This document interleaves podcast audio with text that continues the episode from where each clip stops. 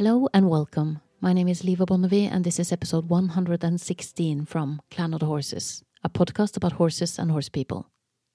Today's guest, Amy Skinner, embraces her training philosophy based on classical dressage and sound horsemanship practices.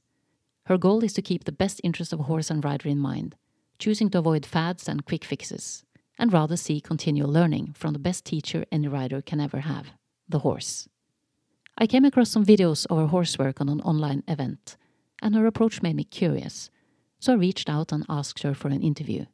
Because I think it is really important to look beyond the flashy stuff that people are so used to see, where a man fights with a horse and there's a lot of action going on, action that too often results in a horse full of distress and discomfort.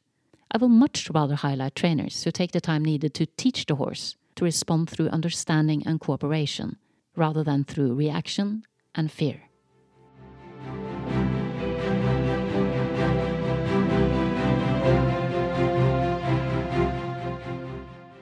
Okay, Emmy, so um, thank you ever so much for taking the time to have this interview.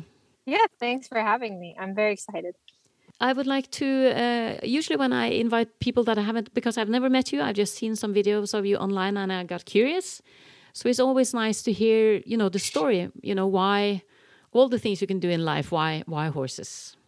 Well, um, I don't really know why because I didn't grow up in a family that had horses. And it was just one of those things that since I was a very little girl, I was just completely obsessed with them. And every time we drove by a field full of horses, I was the little girl that was going bonkers over them. So I, uh, I bothered my parents and begged until they um, got me riding lessons. And uh, my dad was in the Air Force. And so um, we got, I started lessons at a military riding school and it just kind of went from there. So I started training professionally um, maybe 12 years ago. And I got started doing um, young horses and problem behaviors and things like that. Um, and then as I uh, kept learning, I started becoming interested in dressage. And then I started realizing that there was a big parallel between behavior and posture. And so that's where I am now. So I work with those two things kind of seamlessly. They're not separate at all. We just have to ask you also about your surname. Skinner. Skinner? Yeah. Uh, well, usually when people uh, think about it, they think of The Simpsons, like Principal Skinner. yeah, but I guess there is the B.F. Skinner, the behaviorist, but um, I don't. Uh, I don't have any actual relation to him that I know of. Because judging by the videos I've seen of you, um, you do know quite a bit of about horses' behavior. Yeah, um, I don't have any actual real education in terms of school or college. You know, I barely graduated high school. So everything that I uh, know about horses is just through good teaching and trial and error. How would you describe then the horsemanship that you have uh, sort of not ended up with because it's for sure always evolving, but how would you describe where you are today with horses, your philosophy? Well, I would say that my philosophy is to try and observe how the horse is behaving and to observe how they seem to think and to take that individual horse's behavior and thought pattern and mold it in a way that I can present information easily to them. So each each horse is unique and each moment is unique so there really isn't too much of a step by step process that I go by um, which is one thing that I think is a little unique because everyone has their plan, you know, and their step by step format. And um, I think that life is a lot more fluid than that. And so I would say that I, I do a lot of observing the horse and just trying to blend in with where they are and find ways that they can understand and take them to the next step. So there are two keywords there: easy and and the ability to understand. Yeah, I want to make sure learning is easy. Yeah yeah because this is this is what really triggered me to to contact you because i i was watching an online event. Uh, a lot of trainers were presented so you can kind of you know go and pick the ones you wanted to see and so many unfamiliar names for me. And i i was i remember it closely when i looked at your video because before i saw your video i saw another video. There was a there was a guy calling my i think he called himself the horse guru for some odd reason. Um, and he was really violent with the horses and kind of you know scaring them and adrenaline like you know through the roof and not very good energy in the horses and uh, and pushing them very hard. Uh, and the horse is really confused and really scared and it uh, it looks horrible. Uh, and and then I switched to your video and that was just coincidental. And then there were you with a horse all quiet, all, you know, uh, soft spoken, all uh, giving the horse time, all being patient, and and the, uh, also you made some comments about you could have asked the horse to do this and this, but the horse wouldn't understand it yet, so then you would wait. So it was, it was just a you know striking difference between the two of you. Uh, and I wanted to talk to you about you know how um, you seem to build a very you seem to be very thorough about building a foundation that makes it possible for the horse to understand what you know what is expected of it. Yeah so so uh, i love the fact that you look at them as individuals and don't follow a strict system but uh, but still it would be interesting to yeah to get to know more the feel that you have when you when you have a you know a new horse at hand and and how you start yeah, so so that horse, um, I knew that he had only ever been drug around. They would hold him by the chin and pull him everywhere, so he was very, very resistant to the lead rope, and he didn't really know that he was supposed to do anything about it. You know, so he pulled on people a lot. So knowing that when I pick up the lead rope, I'm not expecting him to feel very soft because that's not what he's used to. So you know, for example, he would he would walk ahead of me and past me, and it was like he was waiting to be pulled onto the lead rope. So instead of expecting him to, you know, go behind me right away and, you know, jerk the lead rope to make him go behind me, um, I kind of tried to find a place where we could blend together. So there were spots that I was walking where he would maybe slow down a little bit. And that's where I would introduce the idea of slowing down for the first time.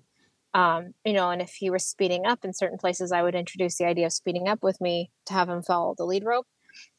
And then he stopped being defensive and he stopped being so worried. And within a few minutes, he started paying attention to the lead rope and kind of seeing what I was asking him to do.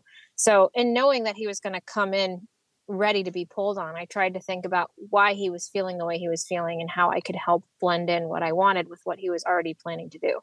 It was really elegant. Oh, thank you. And yeah, and very nice to see um, somebody who are able to present something to the horse and, like you say, blend in. I think it's really important and underestimated mm -hmm. how important it is to, you know, being able to read the horse and and meet the horse where the horse is at any given moment. Yeah, you know, um, you want them to feel soft, and so many people go about making the horse feel soft by jerking all over their face, and that's just to me, it's counterintuitive. You don't make something soft by jerking on it. So, it's very common though. Yeah, it's really common, and, and the thing is, is that if he doesn't understand at all where I'm coming from because he has his own experiences and his own education, he's not going to immediately understand what I want. So he's going to be worried and he's going to be defensive. And so if all it takes is just a shred of insight to see that he's expecting to be pulled on and he thinks he's supposed to pull on me. So of course he's not just going to give me what I want immediately. We have to find a way to help him understand what I want and blend from where he is to where I'd like him to be.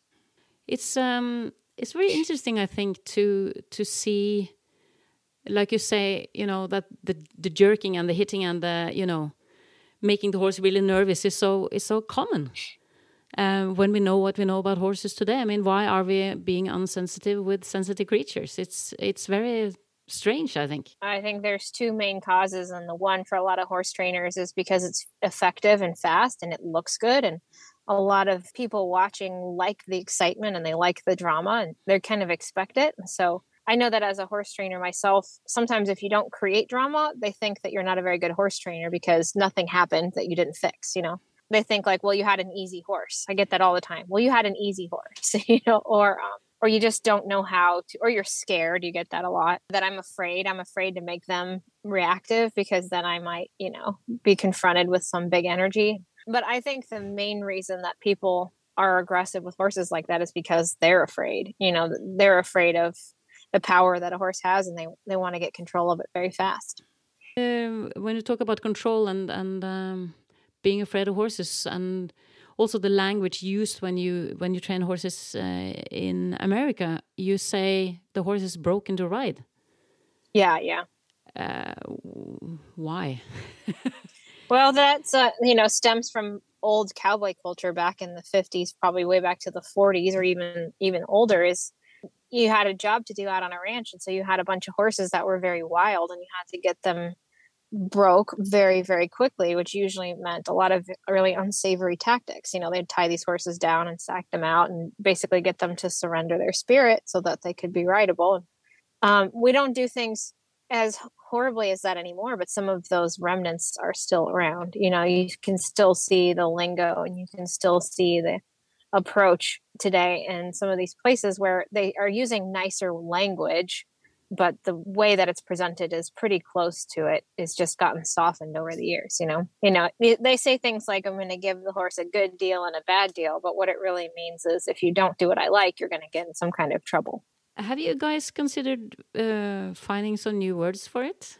Yeah um a lot of people use words like starting instead of breaking um, that's becoming more and more common to say starting a horse or educating a horse some people say backing a horse um, those are becoming backing like you're sitting on their back. I, that one was confusing to me too when I first heard it, but backing is um, something some people say. Um, those are becoming more common. I think breaking is getting out of favor, so less people are saying it. I'm glad to hear it because I think it's maybe it's because I'm a writer, but I always think that you know what you call it is really important in terms of how you're gonna do it later. Yeah, yeah, on my website, I think it says Young Horse Education, which means that it's like the beginning of their education. So I think those words are very important too. So, um, what truly inspires you when you work with horses? Do you also work with with uh, horse and rider, or? Yep, I teach. Um, I teach around the country. Um, I do, you know, weekend clinics where I try to teach people how to read their horse, how to connect with their horse. And, you know, some of the stuff that I teach is tricky to teach because people are so used to those steps. You know, they want to be taught a series of steps in a clinic. And really, what I'm trying to teach people is how to be uh, a little more intuitive, a little more creative, but mostly to be aware. Awareness is the first thing because if you can't be aware of what's happening, you can't do anything about it and people are looking for recipes you know what do i do if? And i always get asked like what do i do when he bucks? You just don't let him buck in the first place. We had that whole thing off you know? We avoid that whole part and they look at me like you didn't hear me right. But um what inspires me is seeing people change and how much that affects the horse. To watch you know at a clinic somebody start to become aware and start to realize how much their body and mind impacts the horse and to really start to take that seriously that really inspires me because then i feel like um we're, we're getting somewhere. We're making some headway in the world. You know it's getting out of do this do that and do the other thing and then you can make the horse do this then that the other thing and it's turning more into people have to be better people you know because it's great that we all like horses but it could be piano or martial arts or whatever. It's really just about self development it's about being better people and the horses are not a problem. After that, the horses will do all kinds of cool stuff. But as long as the focus is, you know, at the clinic, how do I make my horse take a left lead or trot better or whatever, the, the focus is entirely wrong. And, you know, then people never really change. So, what would be the right focus, you think? So, you know, my favorite, if you want to get, you know, on my good side as my student, my favorite thing is if you ask me, say, my horse is a little quick or a little unbalanced what do i need to change in myself to help him? You know instead of how do i slow my horse down or make him canter better? the focus is what do i need to give this horse to help him feel better about trotting that's the focus that it needs to be is, is, the rider needs to do something. The rider needs to adjust something instead of fixing everything. You know because if you think well my horse is too fast then the response is reactive. Then it's to grab their face or pull the reins or you know do some exercise as a reaction to the horse's trot. And the trot is really just communication. If the trot is poor it's communication that i'm unbalanced i'm feeling insecure or my body isn't prepared so a thinking rider is tuned in all the time. They're aware of these pieces and they're responding in real time and they're educating and guiding the horse instead of reacting to all these behaviors they don't like. So it's, a, it's an entirely different focus. And also, I think um, more challenging for people to change their way than to change the horse. Absolutely. Oh, yeah. It's the hardest thing in the whole world um, because you know people can pay lip service to it. They can say i want a good relationship with my horse. I hear that from everybody. Nobody doesn't say that. But how many of them truly understand that that means they're the problem? That they really understand that i need to change who i am and be a better person because usually what they think that means is i'm going to sit at the fence and read a book with him and give him cookies. You know like one one absolves you completely from personal responsibility and the other one is a lifelong pursuit of better self-discipline and awareness. I always felt that it was a bit of a shame that a lot of people miss that part completely. They do yeah because it's the hard part and the longest part. Yeah but it's but it's the best part as well It is. That's like I said, you know, we happen to like horses, but it wouldn't really matter what it was if you have that tendency because it could be music, it could be art, it could be anything. You would use it to make yourself a better person. You know, with horses we we get really easily caught up in making the horse do stuff and it becomes an, an ego feed instead of a self-discipline practice because you have this big animal that you're making run around or bow or sit down or jump or whatever it is you're interested in doing. So if I came from this kind of wiggle, wiggle, bump, jerk, hit, smack uh, kind of you know direction, and I ended up with you, um, how how do you start?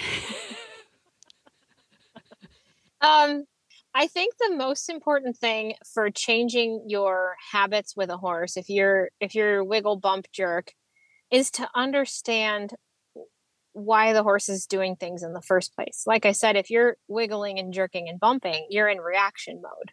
You know, and that's not to say everything will always be beautiful because at clinics some people's horses are very dangerous and, and it's not like I can I can sing a little song and hope that they will stop. Sometimes, you know, it does get a little more animated than I would like it to, but you I try to teach people to be aware. So if you're wiggling and jerking and bumping, you have to really study behavior and movement and see what's happening before it happened. You know, because before a horse um, runs into you, say if they're running towards you, there was maybe 10, 10 expressions and movements that came before that. So if the horse is already on top of you, then you have to give a big jerk on the lead lead line. But if you see it shaping up and you see it start to happen, you can redirect it or change it before it happens and so you can be much more subtle. And that's when people are likely to say well you've got an easy horse or nothing bad happened with you when really you're observant enough to stop it or shape it so it's not happening in the first place. So you know really being smooth and being gentle is not about only being you know fluffy. It's about having acute awareness so that you're capable of seeing these things before they happen and shaping them up into something different. And on top of that, it's about giving the horse a skill set so that they don't feel like they have to. You know, so every behavior comes with a, a reason behind it. So why would a horse want to run me over? They don't want to run me over just because they hate me. They, there's a reason. They feel worried or they think they're supposed to or they're trying to protect themselves or something caused it, right? So I, I have to pay attention to what caused it and how can I prevent or change that. So, you know, with a lot of people's horses, they get pulled on so much. I mean, I don't think most people are aware at all of how much they really pull. They pull, pull, pull, pull, pull, just as a force of habit. And a horse becomes very braced and very defensive and very afraid or very, you know, they just get sick of it. So they run into you or they step on you or they bite you and they get smacked in the face. And so it starts this really, you know, dysfunctional cycle of behavior where people are always correcting the behavior in these big ways but never providing solutions to the behavior you know? So changing your ways is really changing your whole perspective on horses altogether. You have to look at the horse for uh, for what it is. Why does he think that way? Why does he act that way? And then what can you do to provide a better more stable and comforting um, way of life to the horse and that's where things get tricky because it's not usually as simple as like you know if your horse is if your horse is crowding you jiggle the rope and he'll stop you know there's a problem with an easy solution. When in reality maybe that horse lives in a stall 23 hours a day and he's pent up with too much energy and maybe he's getting too much sugar and too many carbohydrates to eat and not enough movement and maybe his daily life is miserable and his handling is very poor. So the solution is much more complex than just jiggle the rope and he'll stop no wonder that people, you know, prefer just to do the yeah. wiggle wiggle thing. Because exactly. once you kind of go into the details saying you know there are 10 signs before it happens people will go what? 10 signs? I've seen nothing. Uh, so it's exactly. it's, yeah so it's it's a long journey isn't it? Yeah it's a and it really is. It's a long journey to personal development. So i had a girl at my clinic uh, last weekend who said her horse felt heavier than she'd ever felt before. And what should she do about it? Because she was riding and she said he kept pulling on the reins. And I said, He's not pulling on the reins, you're pulling on the reins. And she said, Well, what do I do about it? And I said, Stop pulling on the reins. And she said, Well, what do I do to make him stop? said, He will stop when you stop. And she just looked at me like, Why aren't you giving me an answer? And I said, You have to learn to change the way you handle your reins, and then he'll adjust. But she just kept asking me, How do I make him stop pulling on the reins? And I said, You stop pulling on the reins, and then he'll stop. And she said, But what do I do when he pulls on the reins? And I said, Nothing. Stop pulling on your reins. and she was so frustrated. But, you know, I won't give you a solution if you're the cause. You know, I don't, I'm not going to give you uh, an exercise to do to fix the problem if you are the problem. The exercise is stop being the problem. and that's, you know, you can just see the question mark above people's heads. And, you know, I think too, people need to learn to be a little bit uncomfortable because they always want a solution. They want a solution now.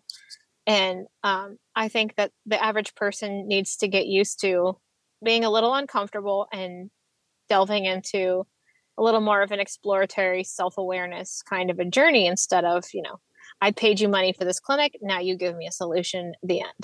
Can we talk about awareness? Just to, you know, to start in the really complicated end, because she's saying the horse is pulling on her, but she's really pulling on him but she's not aware of it. Exactly. And that's the first step is you have to become aware just how much you're contributing. And I feel for her because I've been there. I understand. Uh, and I was there when I first started learning too. Now, everything is always the horse's fault. Even if you don't admit it out loud, you think that way. It's the horse's fault. He didn't stop well. He didn't go well. He's dull to my leg. He's this, he's that, and the other thing. Um, but if you were to video yourself and watch it, you would see how many times you pulled, or how many times you kicked, or how many times you were out of balance. Um, so, developing that awareness that the horse is responding as best he can to what you're doing is so uncomfortable and so humbling, but you can't go on without it. You know, it's the first step to being a quality horse person. And, you know, most people will never get there. Or if they do get there, they get they get so uncomfortable with how bad it feels to see themselves for as messy as they really are that they will shut off or or they'll just get trapped in being self-deprecating you know they'll be like i'm a horrible rider and i don't deserve to ride horses and they'll quit but you know every one of us has ugly stuff we do and it isn't fun to notice but you have to look at it more like a scientist than um you know you look at yourself and you see yourself pull and it's you got two choices. You can decide that that's not you and you didn't really do that, or you can decide that you're the world's worst person and quit. Um, well, then, then there's the third choice, which is to look at it objectively and use that awareness to improve and say, I don't want to be like that anymore, so I'm going to change because I have control over my own mind and body. It's easier to blame a 1,200 pound animal with the brain the size of my palm than to uh, say, I, I am pulling on this horse and I need to stop. But you know sometimes it's like you know people are tattling on their horses like little kids you know they're like he won't stop. And and i always say are you blaming the horse who's like a 1200 pound rabbit or are you going to do something about it? Do you have like an example from any of your clinics where where you kind of felt that you moved mountains with a with a horse and a rider oh yeah so many yeah, I can think of one where this horse was so tight and he was just chomping on the bit like this, just constantly. And he would get his tongue out and he would flop it to the side. And he wouldn't put his head down at all. His head was either straight or up the whole time. And of course, it made the rider tense. And she was a good rider. She didn't realize that she was tensing up too. And she was trying to help him relax. And so she was doing all these extra things, you know, doing these exercises, serpentines, circles, trying to get him to relax his neck. And he just couldn't get there. And she said, I feel like he hates me. And, you know, I said, I don't think he hates you. He just, the feeling that you're providing him isn't different from what he's already doing. You know, he was tight and she was tight, even though she wasn't nervous or pulling on him. It wasn't different. And so it was just kind of recycling this pattern in his head. So I walked her through relaxing her whole body on him, and she said that doesn't make sense because he feels like a hot rod. You know, he feels like a uh, like a board who's running away from me, like a jackhammer. She said, "How are you supposed to relax while riding a jackhammer?" I said, "Just pretend you're riding the nicest horse in the whole world." And I walked her through her whole body, head to toe, and I helped her relax and soften her body, and just completely let go of the reins and just let him go, kind of wherever he wanted and at first it was very ugly you know he just didn't know what to do so he started spiraling around. But within a few minutes he had his neck down and he is dragging it in the dirt and he was breathing and sighing. He tried to get down and roll for a little bit. I mean it was just so beautiful. And the reason that that worked was because she had to offer him a feeling so he could know what it was and get there where you know he was tight enough that she was following that tightness just just enough that it was keeping him feeling tight. It was you know she wasn't able to guide him out of that feeling just because his rigidity made her rigid so when she offered him the feeling she wanted him to find he was like a totally different horse it's that kind of stuff that I absolutely love. I love that kind of stuff because it's very, very simple. You know, there's nothing to do, there's only a change in the person. Um, there's no magical exercise. You know, there's not like a do the spiral in and spiral out and he'll be cured. It's really, you know, get control of your body and change it. And that's what a horse really responds to. It's not easy, but what I love about it is it is so simple. Anyone can do it if they just can get control of themselves.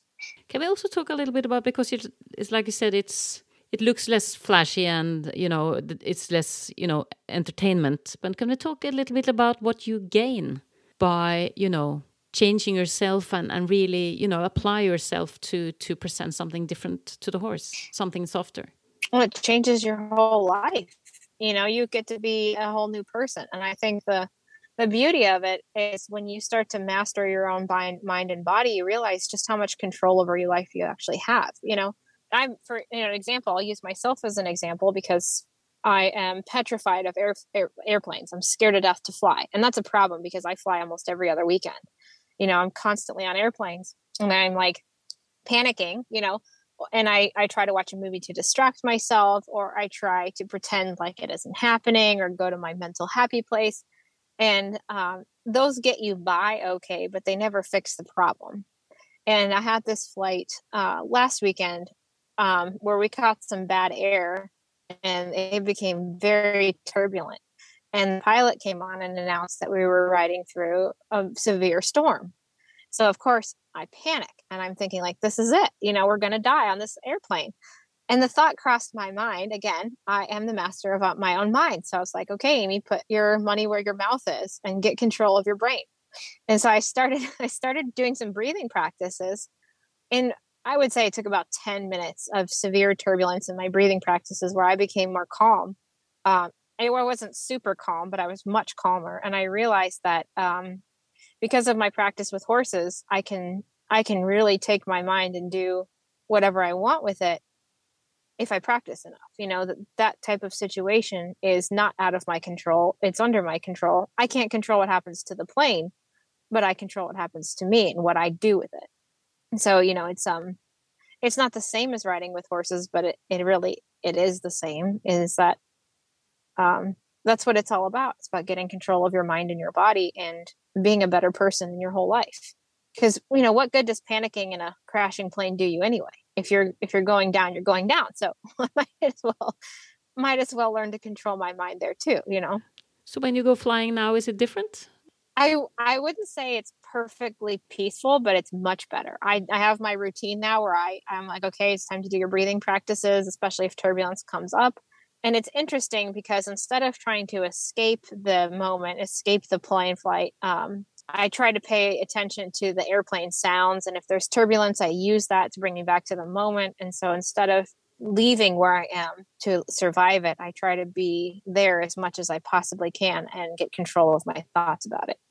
So it's not perfect, but it's it's much better. I think when I look back on my you know career with horses uh, and all the things that they've taught me, I think also uh, for sure the awareness, but but also um, when the shit really hits the fan at work, uh, I feel that I have a really solid foundation to stand on. And and you know when there's conflicts and stuff at work, you know I've uh, I, I um, worked with a stallion once who kind of looked like a dragon and kind of went for me in a way. And and you know mm -hmm. when you have some guys at work then who's kind of you know going for you verbally and and yeah. being strong and aggressive, yeah. I'm like you know come on, this is this is not That's enough a perfect to, example. Yeah, I mean, you know, yeah. because you've you've been there and and you you felt that kind of energy and I, I just I'm I'm just so full of I'm so grateful for all the stuff that horses have uh, have taught me whether it's a horse running at you or another person trying to intimidate you it's not about reacting to that horse or that person. It's about you know knowing where you are and who you are that awareness that you don't you don't have to be aggressive but you also you know you're the master of your own body and mind. So do your worst you know you're not going to intimidate me because i'm balanced mentally you know so it doesn't have to be this reactive fight but you don't have to run away either. Can i ask you do you do you do competitions as well or I have put very little effort into competitions, um, mainly because I want to have something very, very good to present. It's a lot of money, and I haven't felt like I had something perfect to present yet. And, you know, where dressage competition is concerned, I feel like you can be successful if you either do a really horrible job, like my teacher calls it the best of the bad. You know, if you just kind of cram it all together and put it out there, you can do pretty well or you can do pretty well if you do a perfect classically correct job. And so, you know, if you value your horse and the relationship with your horse, then you don't push them to a show just to win the show. I, you know, I'm I'm ready to get out there when the horse is ready to feel calm and good and going well enough to do that under pressure of a show. So I wouldn't say that I'm against showing but I don't have any horse right now that I feel like it wouldn't blow their mind if I did that. When you look at the horse world as a whole, do you feel like optimistic in the way that we are sort of improving our ways, that we know more about horse behavior now than before, and that we have learned from the past, or are we kind of stuck and not able to evolve that much? Yes and no. Um, I hate to sound like a pessimist, but I think some people are just completely stuck in their ways, especially when you look at the competitive world. You know, it can be really, really ugly, and that kind of ugliness is rewarded heavily.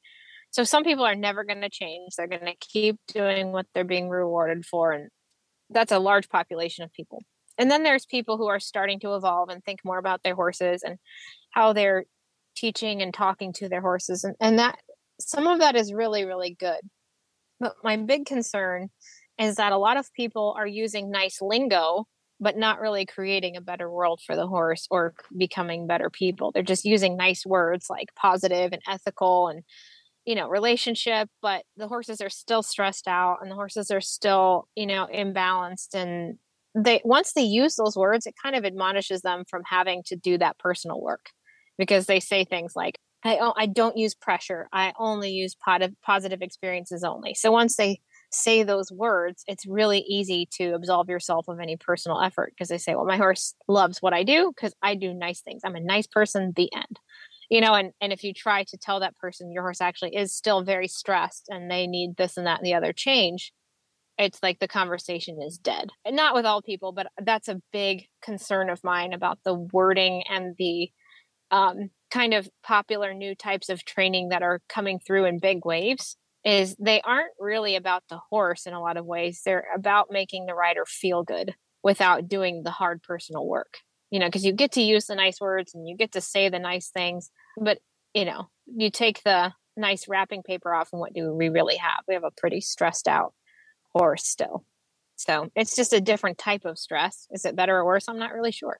So yeah yeah i think it is improving but i also think it's kind of coming around like the other way you know like the pendulum swings one direction and then all the way to the other. I think that's kind of human nature they do that with everything you know? It's kind of like religion you know religion in theory sounds like it's going to do a good thing for humanity it's going to make people better it's going to make people more aware of how their time on earth is spent but a lot of people just use it to absolve themselves of change and they just say i'm a nice person and then they use it to judge everyone who's not doing what they do and that's the end. And also yeah and sometimes you can kind of also get that feel of re religion when it comes to specific you know communities within the horse world as well. Yes. Yeah you know that you have what you call it a guru or the leader or the teacher or whatever and and there is kind of a what you call the congregation or what you call the i call it a cult yeah. A cult yeah. Yeah that would be a good word for it um, yeah, and yeah, so it's there are challenges, but I, I think I I agree with your you know observation that that um, a lot of it is moving forward. I think there are a lot of good energies. I can see it in the in the forums in Norway. I can see Yeah. that from, you know, my horse won't stop. And then people will say, you know, 10 years ago, just get a sharper bit and, you know, put him in his place and all that stuff. But now, more frequently, I can see that people say, but why? Yeah. Why is it happening in the first place and um, yeah for sure but yeah it's um it's uh, we call it um we say it's a it's a large canvas to to paint in a way i don't know if you have that expression There's there's certainly a lot a lot of improvement. You know, when I first started teaching, nobody ever asked me how to make their horse like them better. They only asked me how to make their horse do stuff. And you know, now you hear how do I make my horse more comfortable? I don't care how long it takes. I hear that way more frequently. So there's there are lots of positive changes and the clients I have now are far better than the ones I had regularly 10 years ago. So not even a comparison at all.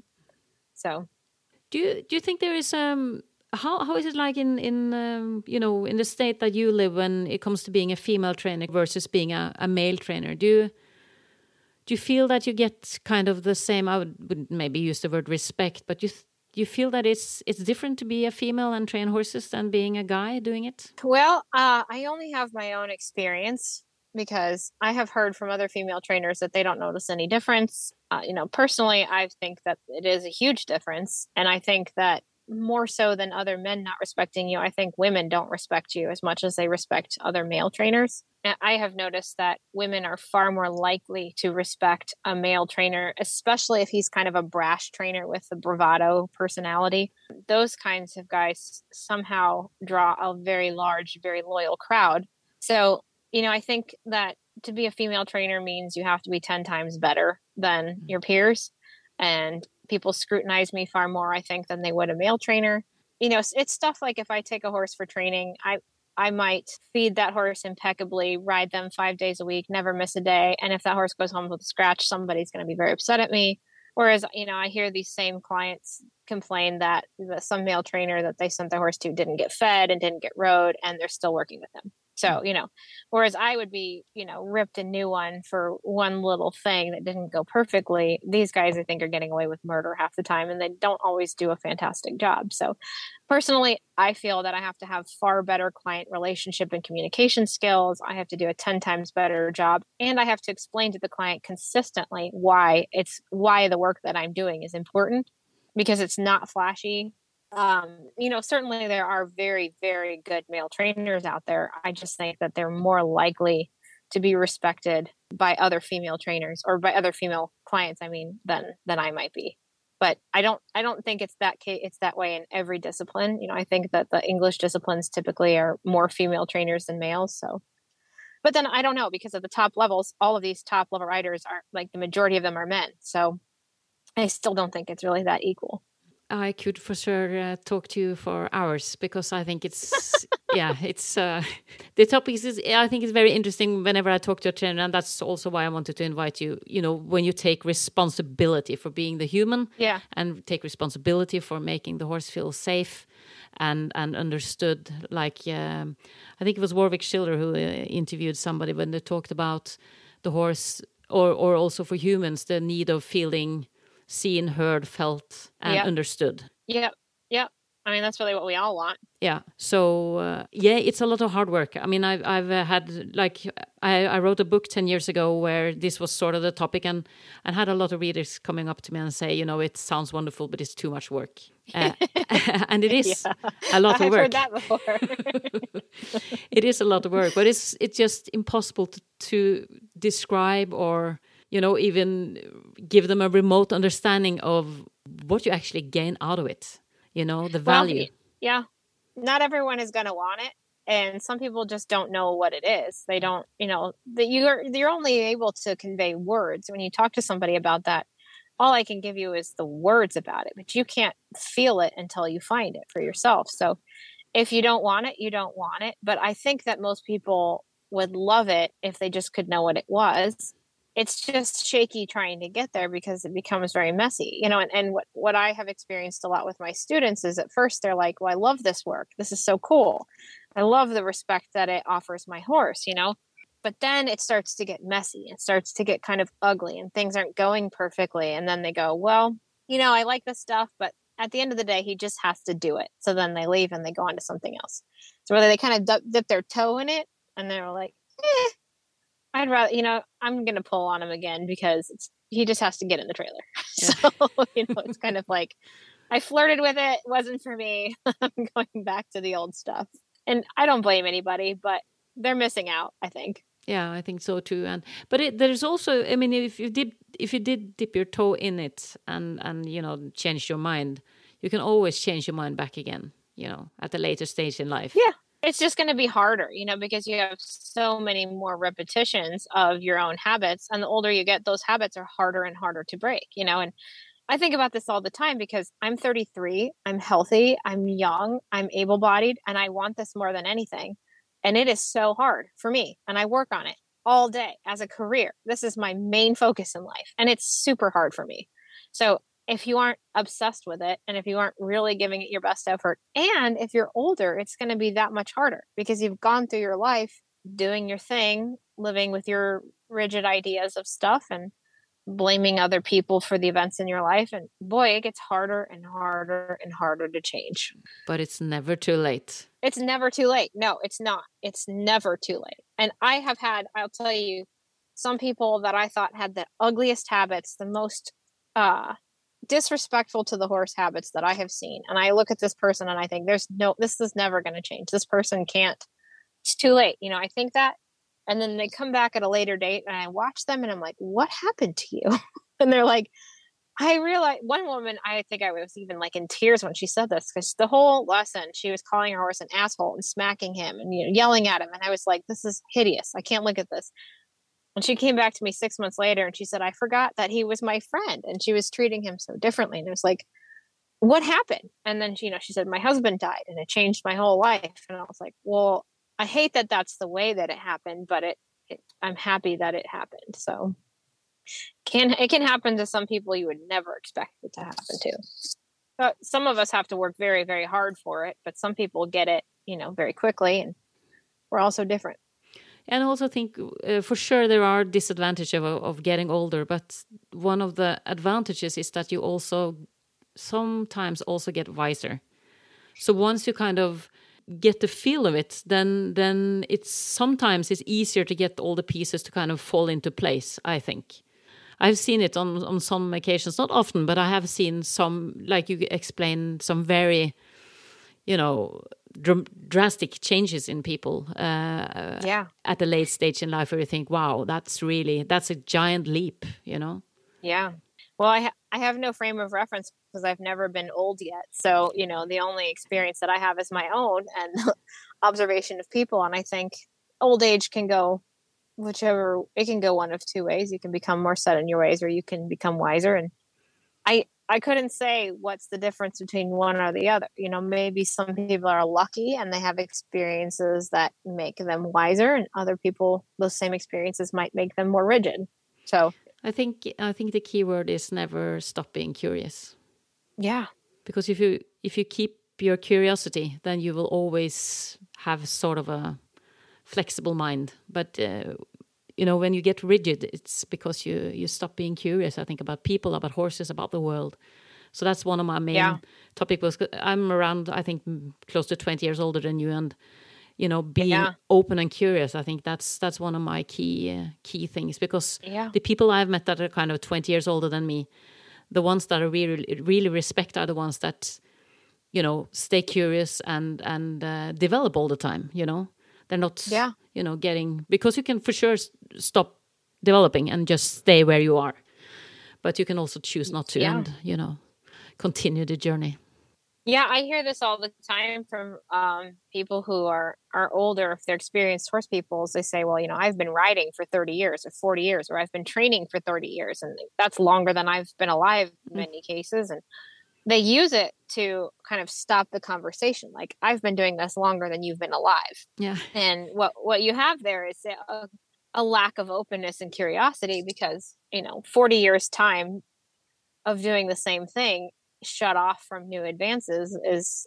you know not really something to be proud of but but um you know you hope that every single year of those 40 years is different and you keep being open to anything that's good you don't want to be open to everything you know but open to something that feels good to the inside of you. So, you know, we we use those we use time and experience often to protect ourselves from curiosity, like you said. And curiosity would open you back up to learning. But that can be an uncomfortable place for some people, so it's hard to stay open. But horses are a gift. Yeah. They they really are. They're amazing. They're the great equalizer, you know, because an 8-year-old person with less experience than me is likely to do a better job with a horse than I am. You know, so my experience and my um, skill set are no match for purity of heart that an eight year old might have and and a good feeling for a horse so it really does equalize all of us. It doesn't matter how old you are how strong you are how long you've been doing something. It's all about how you make a horse feel. So i think that's a very cool thing because someday i will be old and i won't be strong anymore and maybe my skill set won't matter as much you know? So um, that's why that's why this is so important to me because a horse is really good at reading what's inside of you and um, i think on some level we know that and we we don't always like what we see. So it's easier to blame the horse. Yeah. It's more comfortable. I mean yeah. if it's if it's him uh, it's yeah. not me so for sure. Exactly. This horse just won't stop you know? It's much easier to say than this horse is feeling insecure and unsafe and stressed and rushed and you know that's a, that's a, a lot more to say and why is he feeling all those things? Well, because I'm rushing him and making him scared. So easier to just say, he won't stop. What do I do? You know? Yeah. I would like to um, finish off by asking you my signature question that I ask all my guests, and that is what have you learned on your personal journey with the horses that you think it's important that everybody dealing with horses should know? Oof, that's a good one. Um, you know, I think that everyone should know how the horse's body works and how the horse's mind works before they really get too fussed with uh, making them do anything.